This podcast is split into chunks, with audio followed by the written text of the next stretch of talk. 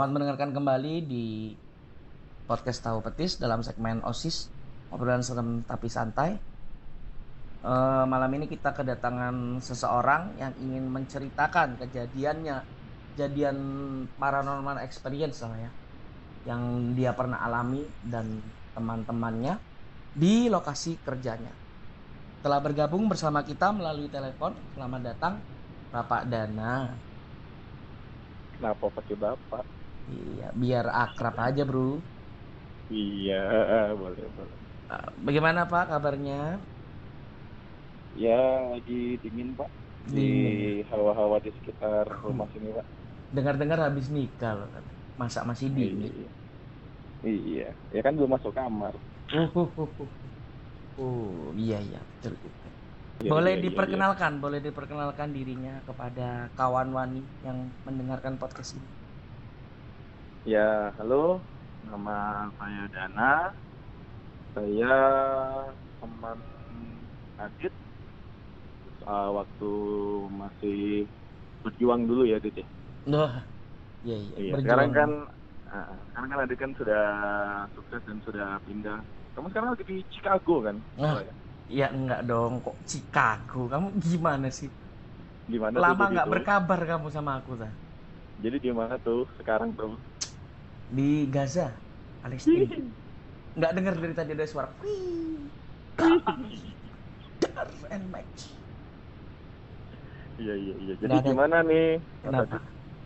Apanya? Oh iya berarti Apa kesibukannya bisa apa? Kesibukannya apa dulu dong? Kesibukannya. Eh, saya ya budak budak perusahaan aja pak. Si- Sibuk ngelonin istri ya? Lagi hangat-hangatnya ya, soalnya. ya itu yang utama. Jadi budak perusahaan itu tuh side job lah. Oke oke. Baiklah kalau gitu cukup perkenalan dari Mas Dana. Eh, saatnya aku mengatakan mari kita mulai ceritanya.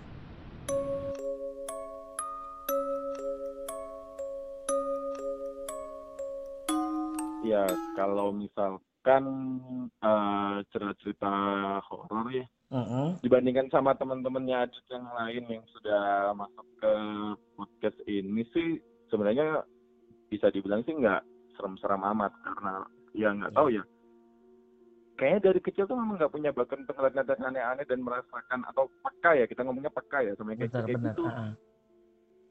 cuman kalau misalkan dipaksa untuk bercerita banyak sih eh, cerita-cerita pengalaman-pengalaman teman pengalaman pribadi pun juga Oh. sebenarnya ada cuman ya saya juga jujur saya bukan skeptis aku bukan orang yang skeptis Mm-mm. untuk permasalahan kayak gitu dit Mm. tapi ya eh, ada beberapa hal yang aku alamin Eh, ini aku mau fokus ke peker- pekerjaanku aja sih di kantorku sih jadi yang Oh. ya bisa dibilang eh, nggak bisa di tidak bisa di eh, apa namanya dipikirkan Hmm. dengan logika gitu tidak bisa Oh. dijelaskan dengan logika gitu Kalau kalau boleh tahu nih sebelum lebih dalam mengulik pengalamanmu dan teman-temanmu bisa dijelaskan mungkin back, background kamu tuh lokasinya di mana atau nggak usah secara detail mungkin biar ada gambarannya lah bagi para pendengar. Eh, jadi aku kerja di pabrik ya suatu perusahaan Iya. di Balikpapan Oke. eh, yang bekerja di bidang eh, produksi produksi minyak lah salah satu pabrik yang lumayan besar di Balikpapan Oke. dan aku juga sudah kerja di sana dari tahun 2013 Wow, cukup lama ya. Tujuh tahun. lama dan kalau eh, background dari perusahaanku sendiri itu kan dulu itu adalah perusahaan milik Belanda yang buat itu Belanda Oh. pada zaman-zaman dan masa-masa penjajahan. Jadi eh, sedikit banyak kejadian-kejadian yang terjadi itu juga eh, berhubungan dengan penjajah-penjajah Belanda yang dulu pernah bekerja di sana. Dalam artian kayak kejadian-kejadian atau hantu-hantunya yang terlihat itu ya hantu-hantu model tentara Belanda segitu. Di, Oh. ini aku ini aku manggilnya itu apa dong ya anaknya ya? Terserah bebas mau dipanggil Didung. Yang penting jangan sayang ter istri cemburu, Bro. Oke, ah, kalau di Balikpapan sendiri nih, Mm-mm. ini terkenal dengan yang namanya itu Suster Maria. Jadi kalau jadi di tempatku kerja itu di seputarannya itu terkenal dengan cerita Suster Maria yang di mana ini punya banyak versi sih. Dit. Jadi Hmm. kalau yang ku tahu pribadi nih, jadi kan eh, di perusahaanku itu ada rumah dinas pekerjanya. Yang di mana Oh, rumah dinasnya itu eh, kalau di sini disebut daerah Gunung Duk. Gunung Dups. Oke. Ah, dan di mana ya seperti namanya gunung memang itu eh, tempatnya atau atau daerah rumahnya itu tuh yang berbukit-bukit seperti gunung tapi ya nggak nggak gunung-gunung banget gitu. Bukan di sebuah gunung tapi Ya, perbukitan lah ya. perbukitan gitulah, jadi tempatnya agak tinggi dan di mana Gunung Duk itu juga terkenal sebagai tempat eh, petinggi-petinggi di perusahaan Oh di gitu. perusahaan perminyakan itu. Nah, jadi ada legenda namanya Suster Maria yang di mana Suster Maria itu adalah penampakan wanita Ya. berbaju seperti suster, Hmm, bule bule, Boleh. yang di mana dia itu suka menampakkan diri di beberapa titik eh, lokasi yang ada di daerah Gunung Duk. Oke. Ini sudah terkenal banget kok sampai sempat masuk di tukulan jalan-jalan itu lah. Oh, yang dulu sempat viral itu ya? Betul. Oke. Jadi eh, sempat juga tergambar oleh Soleh Pati. Itu Oh, Suster Maria itu masih ada sih di YouTube sampai sekarang. eh apa namanya liputannya tentang Suster Maria itu. Jadi ceritanya itu gini di Suster Maria itu adalah seorang suster, mm, tapi kalau terlihat sih semacam lebih lebih tepatnya kayak babysitter sih. Ini versi yang aku tahu ya. mm. yang di mana dia itu bekerja di rumah seorang petinggi perusahaan perminyakan itu waktu itu masih orang Belanda. Oke, jadi Suster Maria itu adalah seorang suster atau bisa dibilang babysitter yang bekerja di rumah seorang petinggi perusahaan perminyakan. Oke. Singkat cerita, eh, pada suatu waktu itu jadi perampokan di rumah tersebut yang di mana seluruh anggota keluarga di situ itu dibunuh Mm. termasuk si Suster Maria itu karena Suster Maria ini parasnya cantik ya biasa lah kayak di film-film hantu zaman dulu gitu jadi perkosa Iya, iya. dulu kemudian dibunuh dan tadi kan aku bilang tuh di daerah Gunung Dus itu dia ada jembatan. Yang di mana jembatannya ah sorry di Gunung Duk itu dan perbukitan dan sana jembatan yang di mana uh, desas-desus yang atau info-info yang terdengar itu ya Suster Maria itu dibuang ke jembatan itu sehingga Suster Maria itu gentayangan dan beberapa orang juga masih sering melihat uh, itu muncul di beberapa titik. Yang terkenal banget itu di belokan Volker.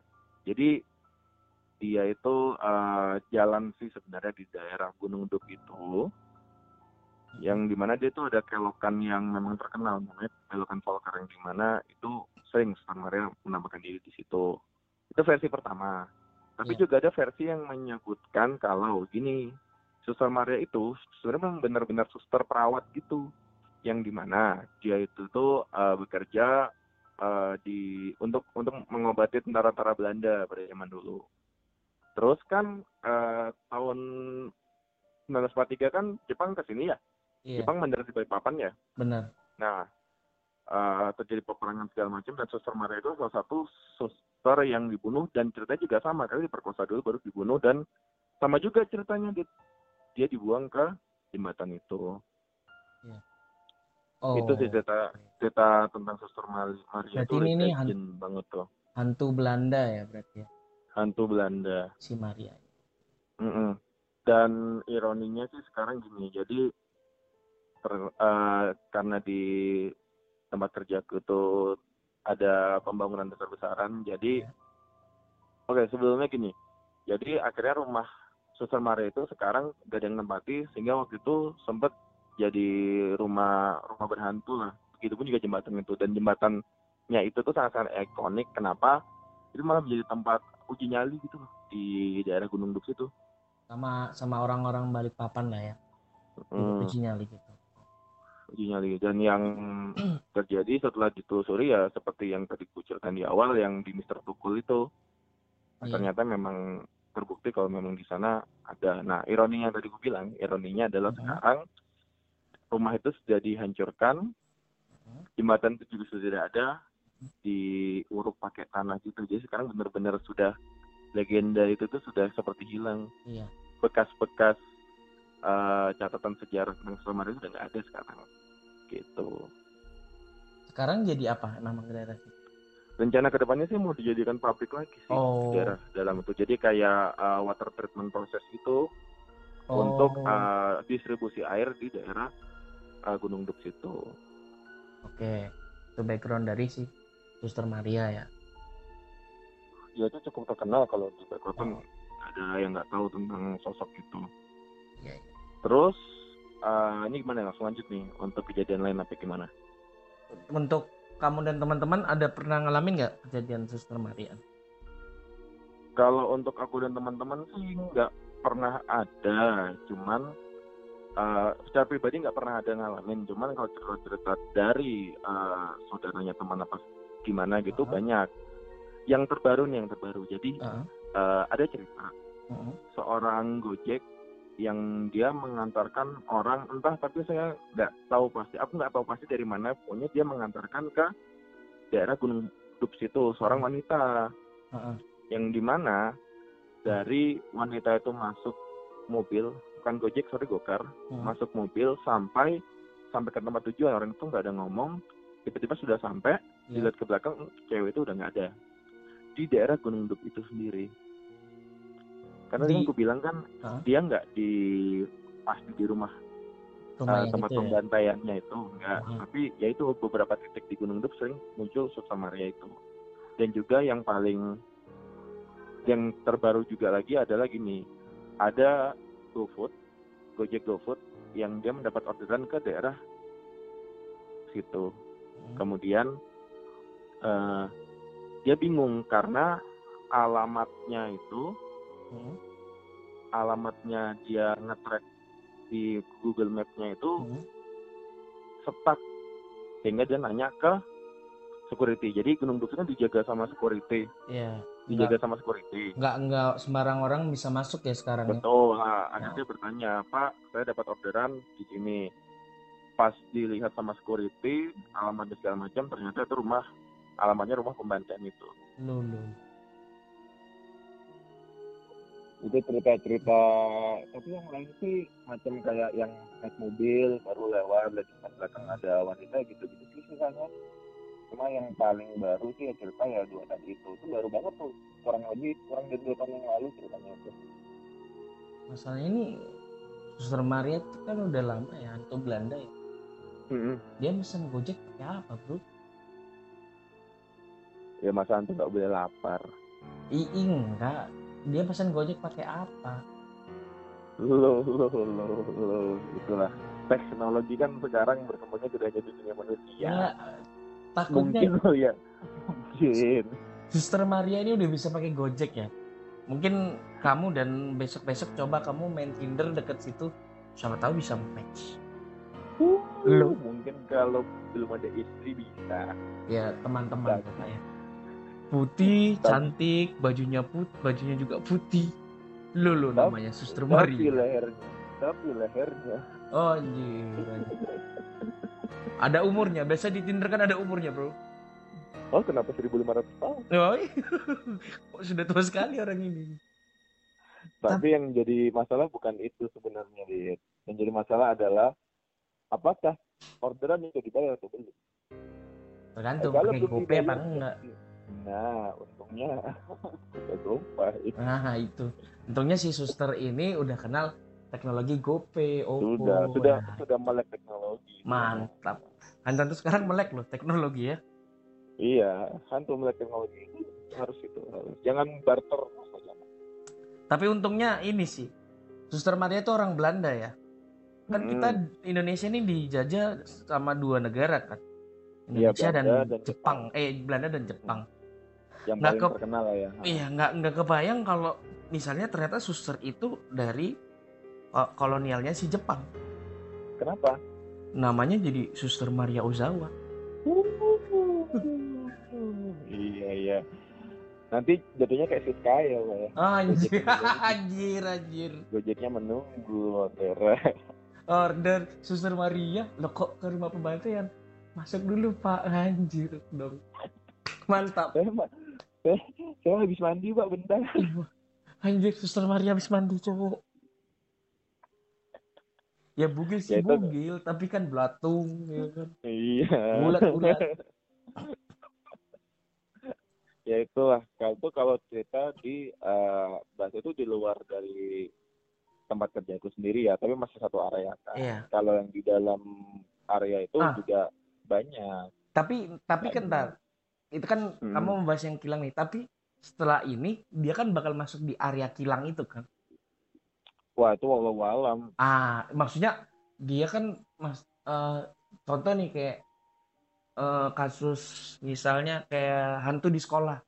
Misalnya kan, ah betul sekolah kita ini angker karena dulunya rumah sakit, dia bilang gitu kan.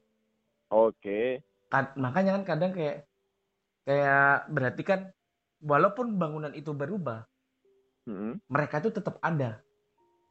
iya Nah, kayak cuma kan ini kan Hah? nah, cuma kan ini kan Suster Maria itu legendanya itu cerita ceritanya itu dia Hmm. ada di luar eh, di luar pabrik di perumahannya kan Heeh. Nah, jadi dia nggak, jadi ya nggak tahu kemungkinan untuk masuk ke pabrik kayaknya susah karena dia nggak punya coverall dan helm safety, pak. Anjir. ya tidak, Dilarang. ya kan dia tidak terlihat, Bos.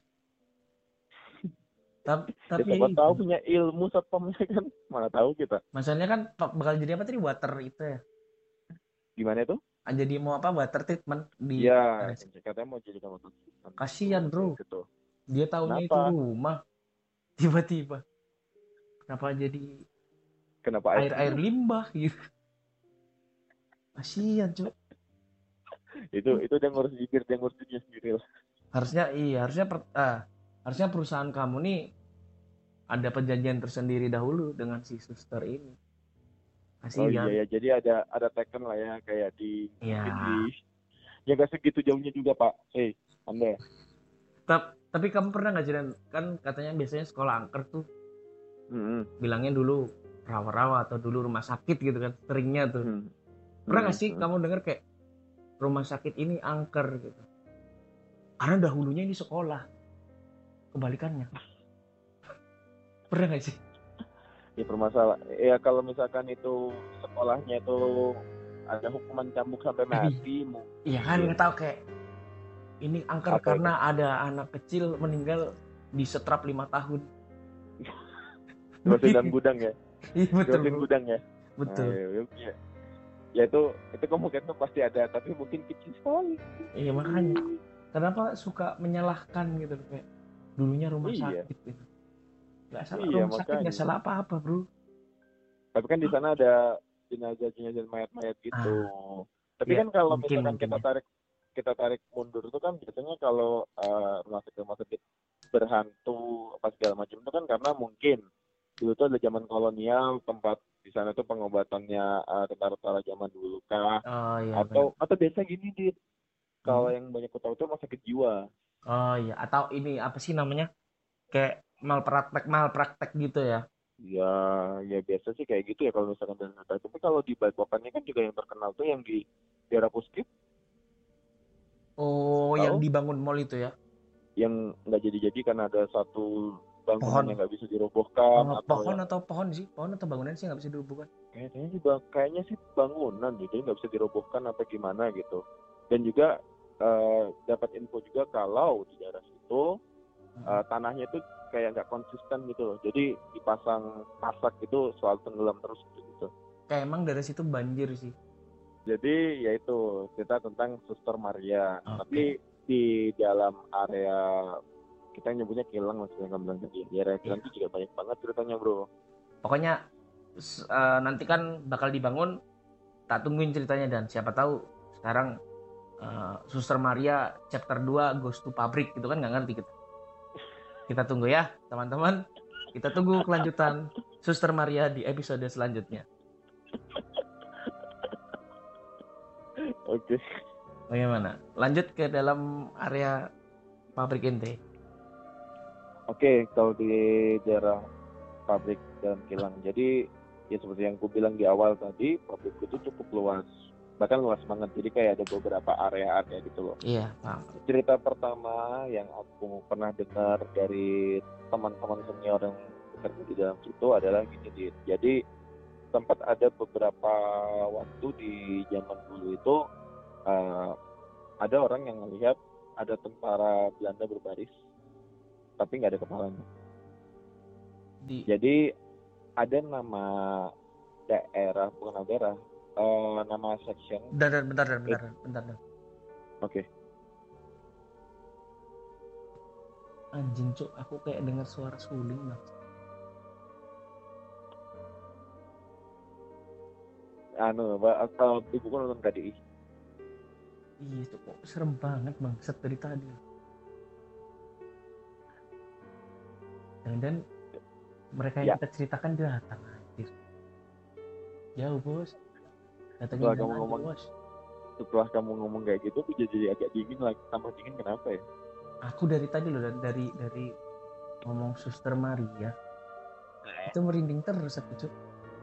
Padahal Hmm, aku lagi berusaha bercanda, tapi tetap, Tetap merinding. terasa Iya, aku baru kayaknya semerinding ini baru ini deh aku udah tiga kali cerita sama orang. Baru ini nih ngerasain vibes-nya. Ya ya kita nggak usah memungkiri sih kalau misalkan kita lagi cerita gitu memang Iya, dia katanya ngerasa. ya kan dia dia mendengar gitu katanya sih Iya. gitu. Tolong yang di gimana yang di balik papan aja ya. Kan sini Jawa jauh. Kalau mau datang yang di sana tuh. Loh, Bro, dia kan sudah melek dia sudah melek teknologi bro Bro, pesawat lagi di lockdown. Jangan berpergian ke mana-mana. Area Surabaya itu anu loh hitam hitam zona, hitam. hitam zona hitam Mending balik papan Iya, zona nyaman ya. Tolong. iya, sembilan dulu ya Oke oke lanjut lanjut lanjut. Ter terinterupsi tadi oleh suara nggak jelas. Oke, diulang lagi ya. Jadi cerita dari senior-senior aku dulu. Hmm. Jadi ada beberapa orang, beberapa saksi itu yang pernah ngeliat tentara Belanda baris. Jadi ada section namanya itu oil movement yang di mana itu isinya tangki-tangki semua. Iya. Dan tangki-tangki itu ada beberapa uh, tangki yang berada di sekitaran hutan. Jadi dulu tuh masih banyak banget hutan di daerah Kilangku gitu. Jadi memang memang semacam kayak hutan kota gitu sih, Dit. Iya.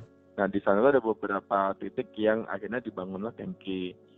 Yang di mana tangki itu ya memang eh, teman-teman oil movement aku bilang itu mesti melakukan pengecekan setiap dua jam sekali. Oke. Even itu malam pun juga kayak gitu. Iya. Jadi eh, beberapa senior sempat melihat ada ada yang mendengar suara, ada yang melihat perwujudan. Jadi yang kayak satu kumpi gitu berbaris lewat tanpa kepala semua. Wah. itu kalau misalkan mau dikulik eh, dari cerita zaman dulu itu kemungkinan itu juga adalah tentara-tentara Belanda yang habis dibantai oleh tentara-tentara Jepang itu. Ini ini berarti yang serdadunya itu serdadu Jepang atau serdadu Belanda? Serdadu Belanda, Oke, tentara Belanda berarti ya, bukan tentara Jepang ya?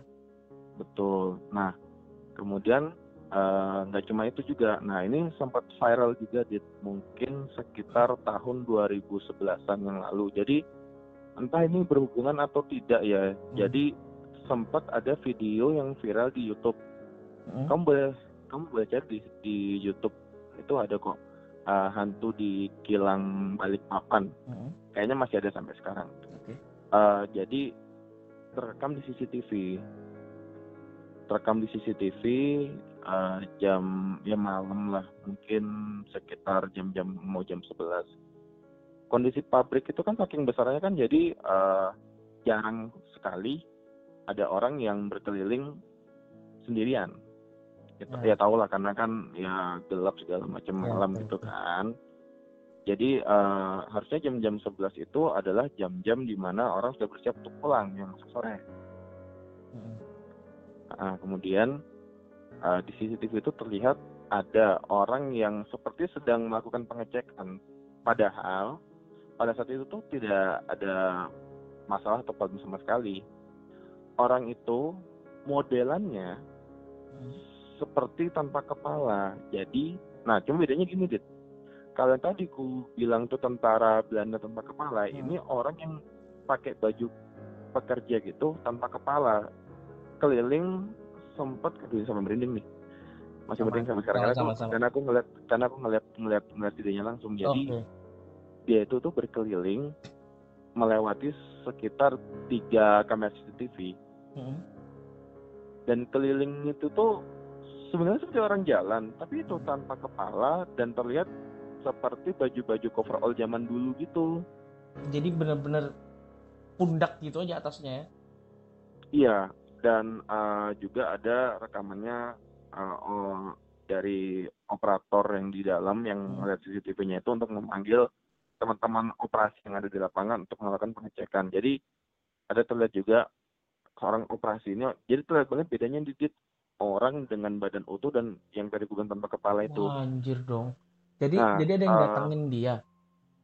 bukan dat iya datangan kayak tolong itu dicek ada siapa yang lagi di lapangan Terus jadi orangnya itu lagi du lagi berdiri megang HP seperti kayak yang mana di mana. Nah orang tua kepalanya itu tuh lewat di sampingnya gitu saja dan orang yang orang operasi lapangan itu nggak ngeliat sama sekali.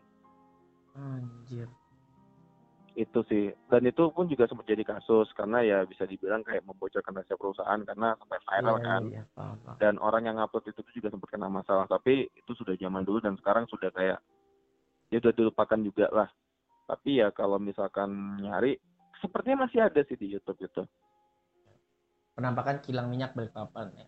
betul Coba monggo Jadi dicari. bener-bener- jadi gini eh, kenapa aku bilang kayak pakai baju lawat jadi kan ini ini setahu aja ini ini ini sotoy gua aja ya zaman Hmm. dulu zaman dulu tuh setahu kan nggak yang nggak baju coverall kan nggak belum belum modelan seperti itu gitu jadi kayak mungkin masih pakai karung goni apa gimana apalagi yang dipekerjakan sama tentara Belanda kan orang-orang orang-orang pribumi kan Oke.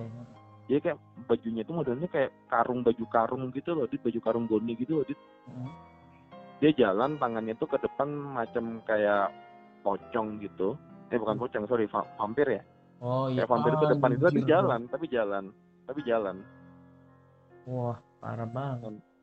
tanpa kepala ya itu tapi eh, mungkin ini juga untuk meredam jadi beberapa eh, orang termasuk orang yang eh, ngupload itu yang kena masalah itu bilang katanya itu eh, prank bahasanya kayak prank gitu loh tapi ya itu Ya, ya. bisa terlihat perbedaannya dengan jelas di saat adegan yang ada orang dilewatin sampingnya gitu sama penampakan itu.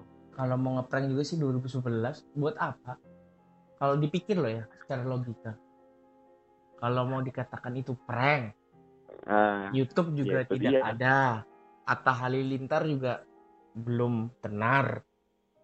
Untuk apa dia ngeprank? jackass bukan jackass kali ya. Ya enggak juga itu. Tapi tapi zaman dulu kan sering gitu tersebar di BBM. Iya sih, cuma mm, kayaknya nggak mungkin deh. Kayaknya itu cuma kayak ya lah Ya, untuk untuk membuat tenang. Ya, ya untuk Iya meredam. benar. Karena itu kan juga bahasanya kan juga nama perusahaan dong. Tapi eh, itu, orang itu masih dipekerjakan maksudnya yang kasus tadi itu. Enggak enggak sudah enggak. Tapi ya itu sudah dia tidak dipekerjakan. oh enggak masih masih dia masih masih senior saya masih. Oh bukan bukan, yang ini yang tanpa kepala tadi masih dipekerjakan. Iya kebetulan sekarang jadi cleaning ya. Oh Dia cleaning. seka- dia cleaning ya cleaning dia kan sekalian buat nyari kepalanya kan. Aduh anjir. Eh itu sebenarnya Ya, itu nyap, nyapa loh orang itu nyap eh, yang tanpa kepala tadi nyapa sebenarnya. Enggak lewat lewat bener-bener kayak lewat aja. Eh, dia nyapa jalan itu. doang. Nyapa, nyapa dia noleh. Cuma kan nggak kelihatan bro. Tapi Sama- gini dit, Heeh. tapi tapi gini, Hmm. itu itu tanpa kepala Nah. kan. Dia keliling nyari kepala. Oh iya. Gimana nyari nyarinya coba coba. Kira-kira Insting. Instingnya dia bro. siapa tahu kan dia nyarinya di kilang daerah kilang itu. Siapa tahu kepalanya ternyata ada di Samboja mana tahu kita kan. Diambil suster Maria. uh. Kenapa koneksi? kenapa kan Suster Maria kan ada kepalanya. Tapi tapi parah banget sih maksudnya. buat apa? Kalau aku bayangin merinding banget maksudnya nggak pakai kepala ya kan? Terus tangannya maju ke depan terus jalan gitu loh Ya Itu terus udah nggak parah Baju itu sih. kayak baju oversize gitu, jadi tangan itu tuh di tangan tuh kayak jatuh karena lengannya tuh kayak kepanjangan, baju lengannya kepanjangan gitu loh. Oh iya iya tahu tahu. Gitu. Tapi itu itu bukan di pabrikku langsung ya, itu bukan di sectionku. Kalau di sectionku itu ada lagi ceritanya. Ada lagi. Dan tapi gini sih, Dit, kalau di sectionku itu ceritanya tuh sebenarnya agak template, yaitu dia men- bertemu dengan eh, orang yang memiripkan orang lain gitu. loh. Jadi Oh, nggak terlalu- doppelganger ya. ya kayak doppelganger gitu. Jadi eh, aku ini kan masuknya 2013 tuh. Iya. Ya itu kayak rentetan rentetan kami masuk tuh cerita-cerita dari ah, teman angkatan itu tuh yang banyak ketemu sama doppelgangernya gitu. Hmm. Bukan doppelganger diri sendiri, doppelganger dari senior dia. Iya, gitu-gitu. teman-teman teman yang lain gitu lah ya. Betul. Jadi ada satu temanku, eh, satu pabrik, eh sorry, satu section tapi beda pabrik. Mm-mm. Jadi sekitar maghrib, dia itu sama senior. Senior dia itu tuh sudah mau pensiun eh, dan kondisi kesehatan tubuhnya itu sudah tidak terlalu baik. Eh, bisa dibilang eh, sempat kena stroke, terus ini penyembuhan, tapi masih kerja. Tapi masih kerja. Nah, jadi eh, dia izin untuk keliling kontrol lah. Itu maghrib, eh sorry, bukan maghrib, yang maghrib bukan. Eh, itu jam setengah 12 malam, masuk malam. Jadi kan aku jam setengah 12 malam masuknya, sampai jam setengah 8 pagi. Ada waktu shiftnya gitu. Ya memang sama kayak security sih, cuma ya gitu loh pokoknya. Oke, kita kembali ke cerita apa ya? Mm-mm, lanjut. Saya tidak, saya tidak mau mau menyinggung institusi security. Saya Oke. juga security. Security menjaga keamanan. Mm-mm. Ya, jadi cerita lagi.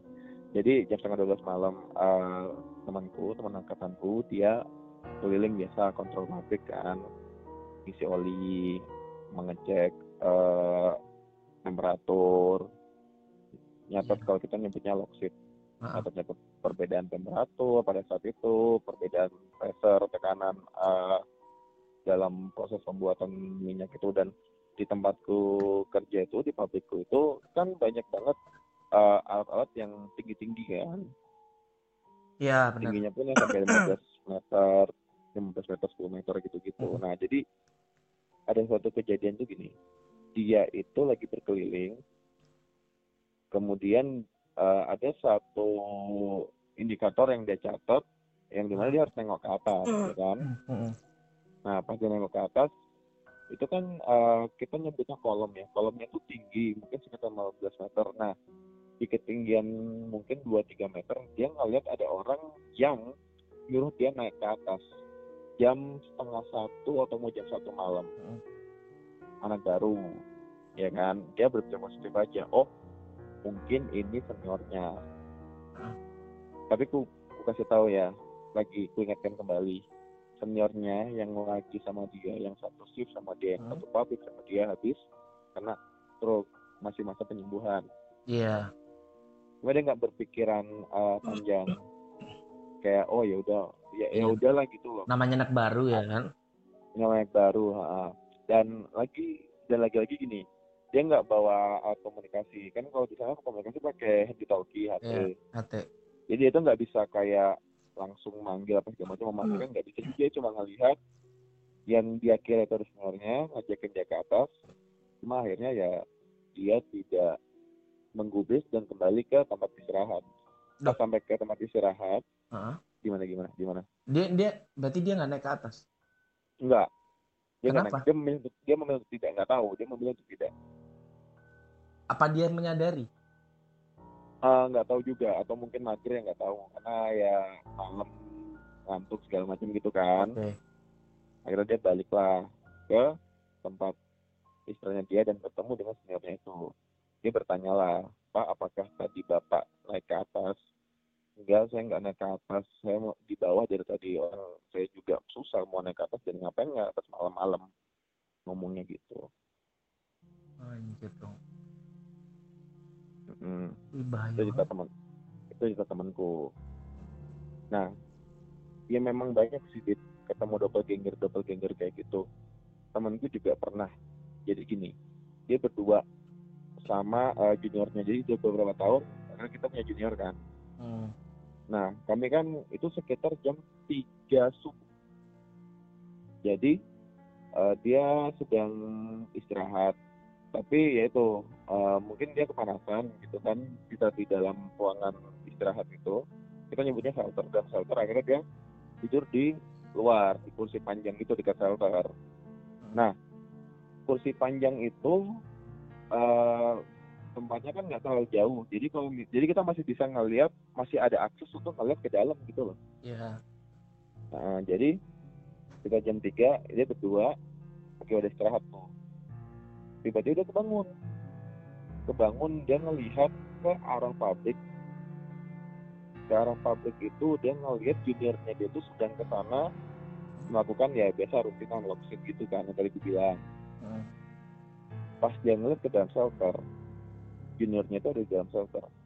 Dulu. akhirnya dia bangun dia ke lapangan agak dia kejar nggak ada apa-apa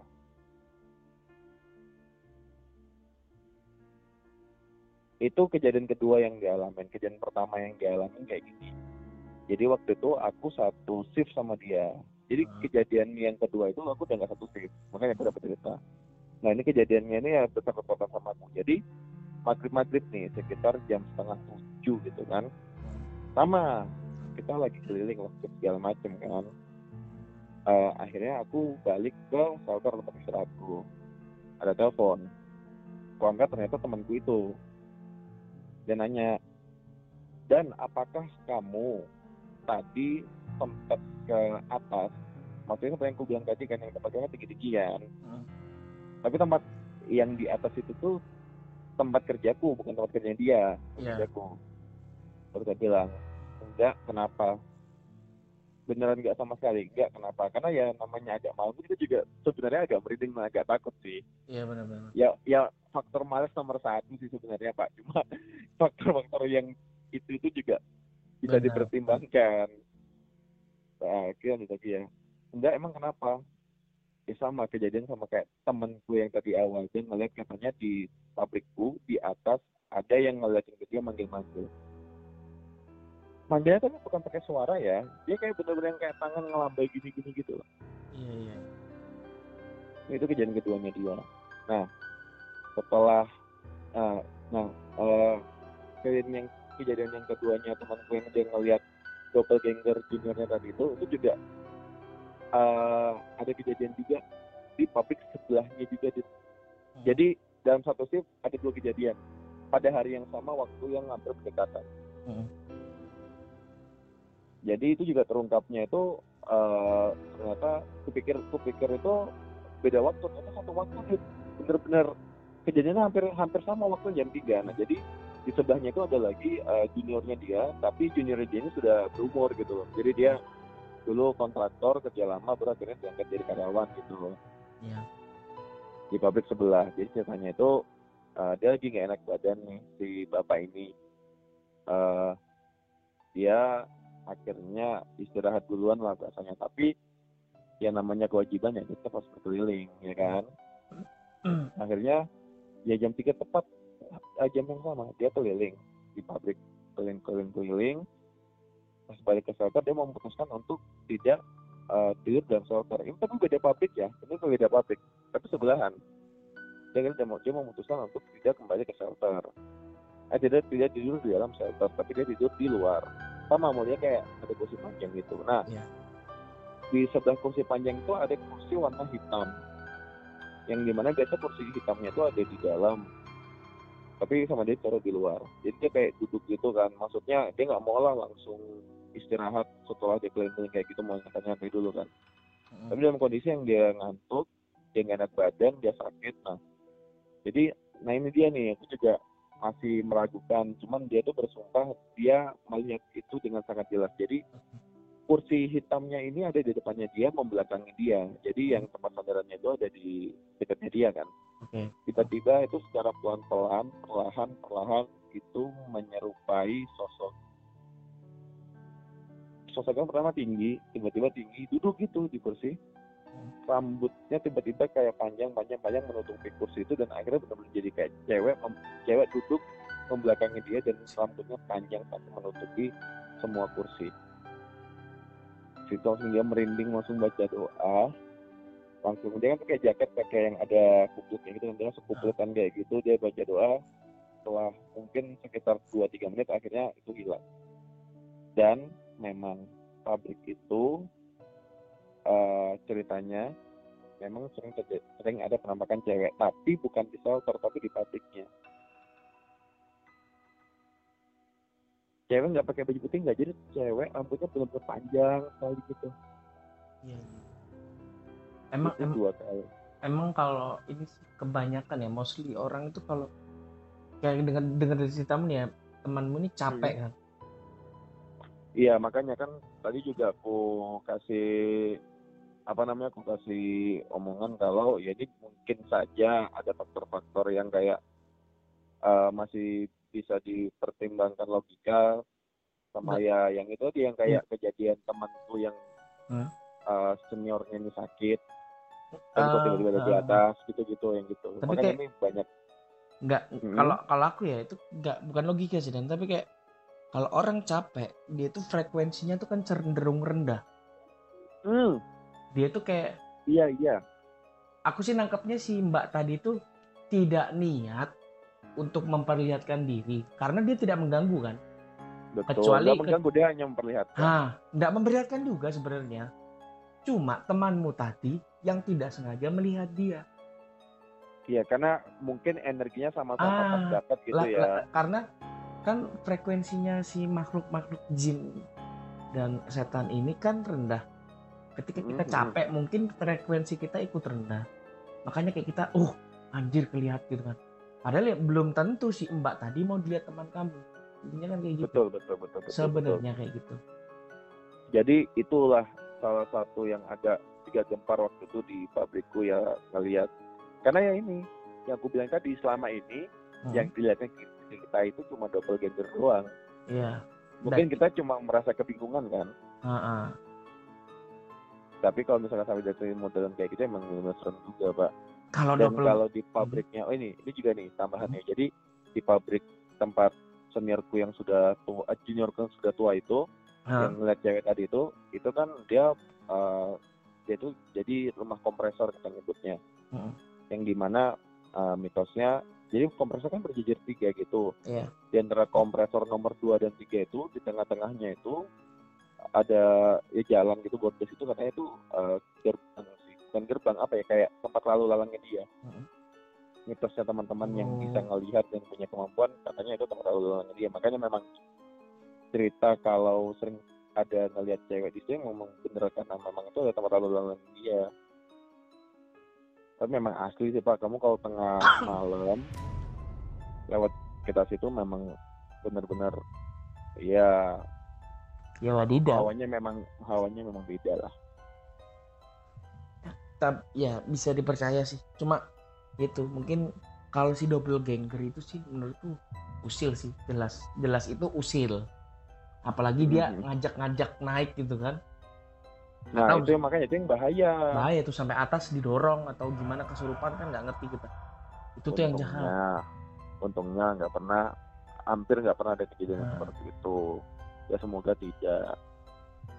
Karena aku apa ya banyak mendengar cerita gini-gini terkadang aku tuh pengen positive thinking juga sama makhluk-makhluk gitu sih. Dan. Ih, Apalagi- gimana tuh maksudnya tuh? Ya apalagi kayak kita ngeliat dia duduk, dia lewat atau apa, dia tidak mengganggu kita. Mm-mm, itu berarti kita yang salah maksudnya kita yang tidak harus melihat dia Betul. karena aku pernah dengar cerita-cerita dari beberapa orang tuh terkadang sampai dia ngeliat hantu anak kecil Mm-mm. hantu anak kecilnya kaget lari dia nah Oh. nah kan oke, itu oke, kayak kita berpikir dia pun tidak ingin dilihat kita sebenarnya betul, tapi betul, frekuensinya kita sedang sama betul. jadi ya- energinya lagi Ah. pas. jadi ya untuk para pendengar juga jangan jangan selalu menyalahkan lah kalau anjir ini aku dilihatin gitu belum tentu bro siapa tahu memang kamunya yang lagi capek frekuensimu lagi sama atau gimana akhirnya kelihatan anda melihat gitu loh Iya sih, bener Hmm. sih. Ya kalau aku sih cuma sekedar gini sih, eh, kita punya kehidupan masing-masing. Ah, Maksudnya iya. dia memperlihatkan diri itu supaya dia tahu kalau aku juga hidup di sekitarmu. Iya. Jangan usil, jangan rese, nggak boleh rewel gitu-gitu. Tapi ini dia sebenarnya eh, kan kalau misalkan kita pernah dengar, kamu pernah dengar gini nggak sih yang statement yang mengatakan bahwa kalau makhluk malaikat itu senang di tempat-tempat yang lembab gitu kan? Iya. leb- mm, mm, mm. Aku tuh agak susah untuk em, percayain ada di daerah tempatku kerja karena apa? Tempatku kerja itu kan benar-benar kering panas gitu loh. Iya. dan bising kan? Bener. tempat kan bising banget makanya aku tuh juga sebenarnya agak kurang yakin dan percaya kalau ada kejadian seperti itu. Sampai aku juga ngalamin. Oh, kamu punya pengalaman tadi. aku juga ngalamin dua kali doppelganger juga tapi. Oh, oke. untungnya untungnya. Kalau untuk kayak suara-suara gitu tuh kan ya ya apa ya itu itu itu kurang bisa dipertanggungjawab sih pertanggungjawabkan sih kalau menurutku kalau suara-suara aneh-aneh gitu Mm, mm. ya siapa tahu kan ada suara dari mana kena angin baru akhirnya ke bawah sampai kita dengar. Kita kan kita nggak pernah tahu. Cuma kalau sampai ngeliat sosok itu ya itu bisa diperdebatkan sih kalau menurutku sama jadi aku juga ketemu double ganger dan kejadiannya juga sama. Jadi kejadiannya maghrib dan malam sih Dit, Ngajak naik untuk juga. kayak kayak gitu terjadi kejadian cerita-cerita yang itu maghrib dan malam kalau aku tuh waktu itu pabrik dalam kondisi baru saja selesai perbaikan besar-besaran Oke.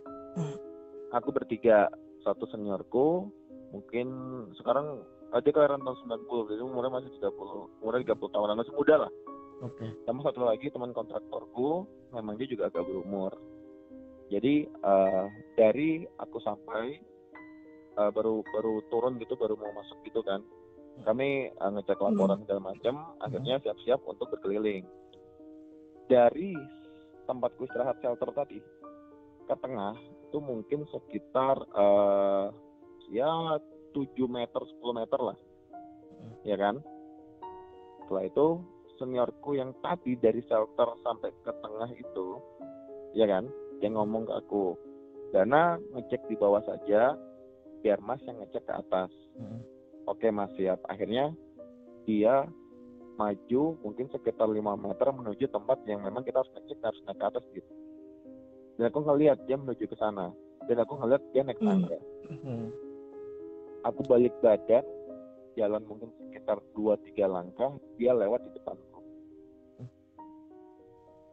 Seniorku yang dari shelter ke tengah dan dia izin naik ke atas. Pas aku balik badan dia lewat di depanku lewat lewat ya. Aku datangin terus aku nggak lama agak sedikit lari menuju ke belakang melihat tempat aku naik tadi. Hmm. aku balik ke dia tanya oh bukannya mas tadi ke atas? Enggak dan aku tadi tadi di bawah ke sebelah situ. Ini barusan ke tengah. Itu itu itu itu yang akhirnya aku kayak ngerasa aku yang langsung kayak ada ada kepercayaan kalau oh memang tadi Dan memang i- memang Ah. kejadian itu tuh kejadian teman-teman cerita teman-teman itu memang ada dan benar gitu dan itu ngajak kamu ngomong kan berarti tadi. sorry gimana Dia ngajakin ngomong aku mau naik ke atas tuh dia ngomong ke kamu kan. iya dia ngomong ke aku dan yang aku juga nggak bisa eh, jelaskan sampai sekarang adalah dari aku ketemu sama masku yang lewat depanku Mm-mm. sampai balik lagi ke shelter Hmm. sampai pulang aku sama dia terus Jadi yang palsu yang mau naik ke atas izin ke kamu itu. kayaknya sih gitu tapi ya itu dari aku sampai sampai ke tengah sampai dia nanti naik ke atas yang nggak ada bedanya sama yang aku ketemu pas aku balik badan Dan dan kamu sampai pulang sama yang tadi itu balik badan. Sampai pulang. jadi nah, jadi gambarnya gini ya kan tadi aku bilang eh, pabrik Hmm. itu mungkin panjangnya sekitar eh, mungkin sekitar 20 meter 30 meter Mm. 7 meter aku ke tengah kan Mm. dan dia menuju ke naik ke atas itu mungkin sekitar ya 10 meter 10 meter lah Mm. dan aku ngeliat dia ke atas ya dia naik dia naik tangga nih aku balik badan otomatis kan dia nggak mungkin lari cepat itu kan Iya. Itu yang masih nggak bisa dijelaskan gitu Tapi kamu Itu. untungnya sih berhenti di situ kan. Hmm, hmm. Tiba-tiba kalau ada plot twistnya, kamu sama sama Saya sama tidak bercerita di sini dong. tidak. Kalau misalnya tuh seniormu tuh sampai pulang sama kamu terus kan, Heeh. ternyata tiba-tiba pas kamu sudah di enggak sudah kamu sudah kamu di, di motor ternyata terima ini WhatsApp dan maaf ya dan hari ini aku nggak bisa hadir hancur banget bro Oh, itu merinding. Ini merinding lagi dong itu banget. seharian anda itu cerita pertama. Itu, itu itu cerita pertama itu.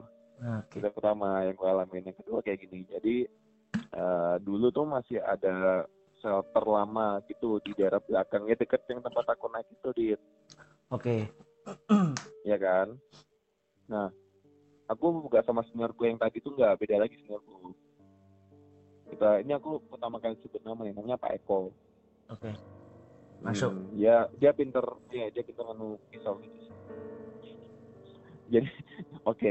Jadi si Pak Eko ini eh dia itu memang orangnya rajin dia sering keliling.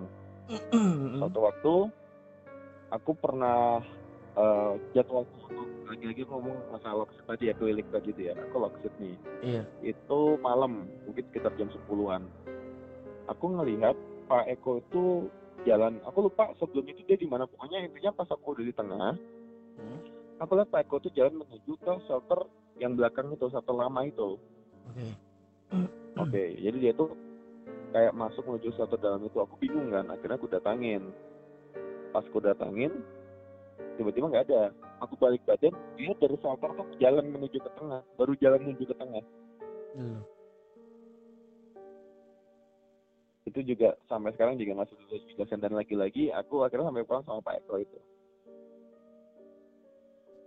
Gitu.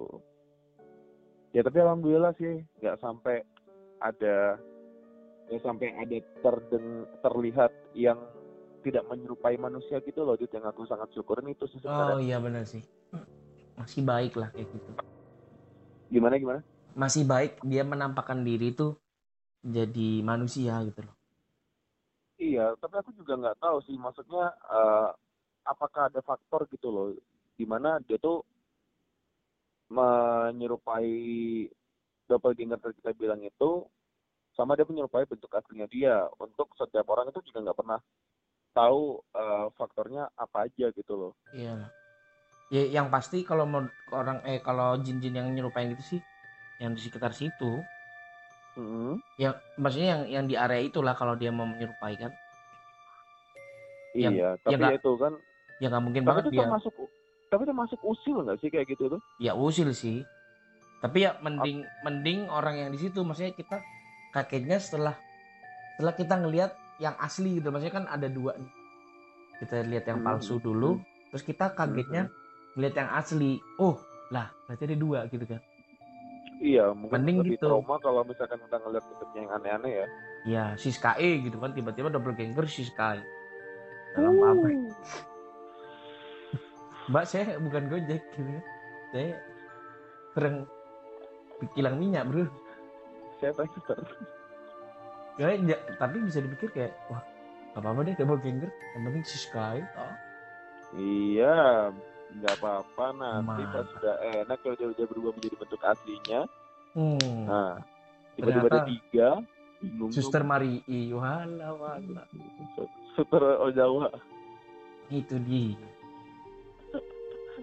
Ya, aku juga ada cerita juga gini. Jadi kan kita kita sempat eh, nyentil yang masalah eh, dia nggak ganggu apa segala macam. Jadi, Hmm. jadi Pak Eko juga pernah cerita dia Hmm. malah tas itu dapat dapat keuntungan gitu loh dari eh, makhluk-makhluk Lu, kayak lu, gitu. Kayak lo ya jadi Sky itu tadi uh saya kalau itu sih ya enggak jelas sih mukanya. karungin bro pakein tadi apa kata lepak lama Iya, di. tuh karun goni Jadi kalau dari Mas Eko itu Pak Eko tadi juga pernah cerita ke aku dia tuh bukan berteman ya. Jadi dia itu tuh eh, jadi dia itu kan sebelum jadi karyawan dia juga kontraktor sebenarnya jadi banyak sih di tempat itu yang dari kontraktor menjadi karyawan Iya gitu iya kan. paham jadi waktu zaman dia masih muda itu dia itu kerja di water treatment tapi area kilang Oke. area pabrik bukan yang di Hmm. luar gitu nah yang di mana memang di situ yang nah aku bilang tadi tuh yang terkenal banyak penampakan yang hantu Belanda apa segala macam itu yang hantu Hmm. tanpa kepala gitu gitu Oke. satu tentara tapi yang tentara ya bukan yang hantu overall tanpa kepala itu ya Iya iya iya. hantu tentaranya jadi itu tuh sering banget dimimpiin Hmm. sama cewek Londo cewek Belanda gitu Hmm. tapi bukan basah lo ya Iya. mentang-mentang dia kerja di water treatment mimpinya basah terus tidak. Iyalah. ujungnya Ah, kan paham cipratan air gitu Enggak, Cuk. jadi kayak dia tuh beberapa kali uh, dia dimimpiin nah Hmm. pas dia dimimpiin dia kebangun kaget ternyata ada sesuatu hal yang tidak ba- baik di kilang gitu kayak ada gangguan akhirnya dia langsung nangani gangguan gitu gitu gitu Oh. jadi kayak diingatkan gitu loh di Kayak dibangunkan kalau ada problem gitu ya. Hmm, hmm, hmm. Wah, enak, Cur. Semacam call center ya. Ternyata mbak-mbaknya. Mas, ada problem di sini. Bangun ya. Kan bisa dibilang begitu sih Itu sih menguntungkan sih itu di hire tadi kayak mas-mas yang tanpa kepala itu di hire. Ini mbak-mbak call Ya. center nih hire juga nggak apa-apa. tapi tidak begitu dong nah cuma kalau uh, ceritanya lagi dari senior apa senior ke Pak Eko itu tuh ya alhamdulillahnya ya nggak berbentuk aneh-aneh gitu loh gitu Nah, itu. benar-benar benar-benar pure Londo Belanda gitu tapi setelah dia akhirnya diangkat jadi karyawan dan pindah ke pabrikku ya kan Hmm. dia nggak pernah ngalamin itu lagi jadi kayaknya memang cuman di water treatment itu aja tempat Hmm, tempat mungkin tempat penemunya di situ iya segmented Gitu lah ya. gitu sih. Kadang. Nggak nggak segmented zonasi zonasi Iya. Pola aja zonasi ya. Emang kan memang tempatnya nggak zonasi emang kan ada zona-zonanya kan kayak menguasai ini, menguasai ini. iya nggak apa-apa tapi jangan zona hitam aja lah kayak rumah ente Gak apa-apa bro, kita harus support Bu Risma segera bisa Oh, membasmi iya. Surabaya. Eh, membasmi Bu Risma corona di Surabaya. oh buran Burisma masih di Chicago Duh, bisa. eh jalur Gaza jalur Gaza Bro Gaza bro. Ya mungkin untuk uh, cerita-cerita yang kayak gitu cuma itu yang bisa aku share. Karena ya sekali lagi aku siap. bilang aku jujur aja nggak pernah sih. Bukan nggak pernah apa ya semoga semoga semoga jangan gara-gara aku cerita kayak gini jadi sering ngeliat loh ya. Oh nggak apa-apa, Tapi memang apa-apa, memang memang nonton ya. Nah iya, emang tujuan aku tuh sering kayak men-trigger teman-teman untuk mendengarkan ini. Agar energinya ya membuka eh, membuka pikiran dia tersugesti. Anjir aku Wah. harus harus mempunyai pengalaman mistis ini. Konten dung dung, konten dung dung. Sampai ada ah, ini ini cerita beneran ya ini. Siapa tahu teman apa, denger nih. Dia apa tuh apa sedikit dia tuh paling takut terus sedikit menceritakan kejadian yang dialami di rumahnya sekarang. Kan? Eh, di sini di podcast atau Eh, enggak, iya aku sering sering minta apa dengerin nih podcastku gitu-gitu. Oke oke terus terus Aku tanya, kamu kamu ada nggak mbak? Ada cerita cewek ya? Belum ada. Iya Ah. cewek ini udah ibu Ah. rumah tangga. oke oke oke Ada gini-gini. gini. Cuma aku takut gitu. Ntar aku cerita tambah anu, uh, tambah aku trigger. Cepat Hmm. Ah. segera segera kejadian di rumah anda lebih gaib. Dia udah takut. Soalnya sudah sudah mulai tiap hari itu ada update-nya bro. Jadi aku tungguin aja tungguin sampai ceritanya dia mantap. Aku baru kita rekaman. Iya, betul bro. baru rekaman Dikumpulin dulu aja ya kejadian. Terus memang kurang ajar antum memang memang secara antum tidak langsung dia kamu. kayak menceritakan update-nya tiap hari. Iya ketakutan orang jadi konten. Eh, tapi kan ses- sesuai tagline aku bro di podcast ini, maksudnya kejadian-kejadian seperti ini di sharing sama teman-teman bukan buat kita takut aja, betul tapi buat kita wani. Makanya aku bilangin kawan wani, maksudnya kita harus wani lah kalau ada gitu tuh harus berani, bukan berani Iya. nantang, tapi kayak iya ya, ya memang memang dia tuh ada gitu kan Ada. dia itu berdampingan sama kita nah betul. Dan jangan lupa kita juga derajatnya lebih tinggi, jadi ya Betul. nggak usah takut. Sama itu ya Betul. makanya positive thinking bro kalau kita lihat sesuatu tuh. Siapa tahu memang matanya kita yang goblok gitu loh maksudnya. Jangan selalu salahkan si setannya gitu. Kayaknya aku nanti bakal Iya, diangkat iya, jadi iya, iya. duta hantu Indonesia deh. Jadi Ah, garda terdepannya gitu kayak. Iya kan maksudnya positive thinking lah. Seth. apa me- Membela lah. memperjuangkan memperjuangkan hak hak Iya. hantu di Indonesia. Aku pernah itu kayak pernah aku pernah dengar di podcast gitu cerita. Anak apa setan anak kecil masuk rumah Hah? kaget lihat manusia lari cowok dia cowok kasih aku kasihan aku baru pertama kali denger cerita podcast horror enggak takut Oke. kasihan bro besoknya ngadu mamaknya jadi di pohon di pohon itu belakang rumahnya dia dia ngelihat sama kuntilanak terus anak kecil yang Hey. kemarin delete ada. Anjir ngadu mama. Fuck, fuck, fuck. Oh, ini beneran apa? Bercanda nih? beneran bro. Beneran ini beneran. Anjir, anjir, beneran ini. Anjir. jadi besoknya tuh kayak kayak kayak mungkin ma itu ma om, om itu kurang ajar. Aku masuk aku masuk rumah kok dia lihat gitu kan. Kaget kan dia kayak aku mau masuk rumah terus orang manusianya ngeliat ah anjir gitu terus hantunya juga kaget Bisa lihat. itu terus teman-teman mem- memang anu, memang uh, indigo atau gimana ya udah mau nggak nggak dia dia lagi kelelahan kalau nggak salah aku gitu. Oh, ingat oke. dia lagi kelelahan makanya aku kalau orang lagi capek lah itu udah udah pasti lah Iya, energinya sama. Memang kita sering kayak gitu sih. Tapi kalau di Hmm. sekarang kan ngomongin pabrikku nih, kalau di pabrikmu ada nggak? Atau nanti bakal ada cerita soal di pabrik? mungkin mungkin aku ada ada mau ceritain pabrik di segmen sendiri baru baru Oke, baru baru oke, ini aku juga ngalamin soalnya Oke oke oke oke. oke Dan kalau misalkan mau dengar eh, ini promo dikit ya, kalau mau Boleh. dengar cerita tentang Suster Maria tapi dari sudut pandang yang agak nyeleneh, mungkin bisa dengerin Basian oh Podcast. siap siap di mana? Podcastmu apa tuh? Eh, aku juga bikin podcast sama teman-teman bertiga. Namanya Basian Mhm. Podcast itu eh, episode pertama kami juga ngomongin soal Suster Maria sama eh ada pasangannya.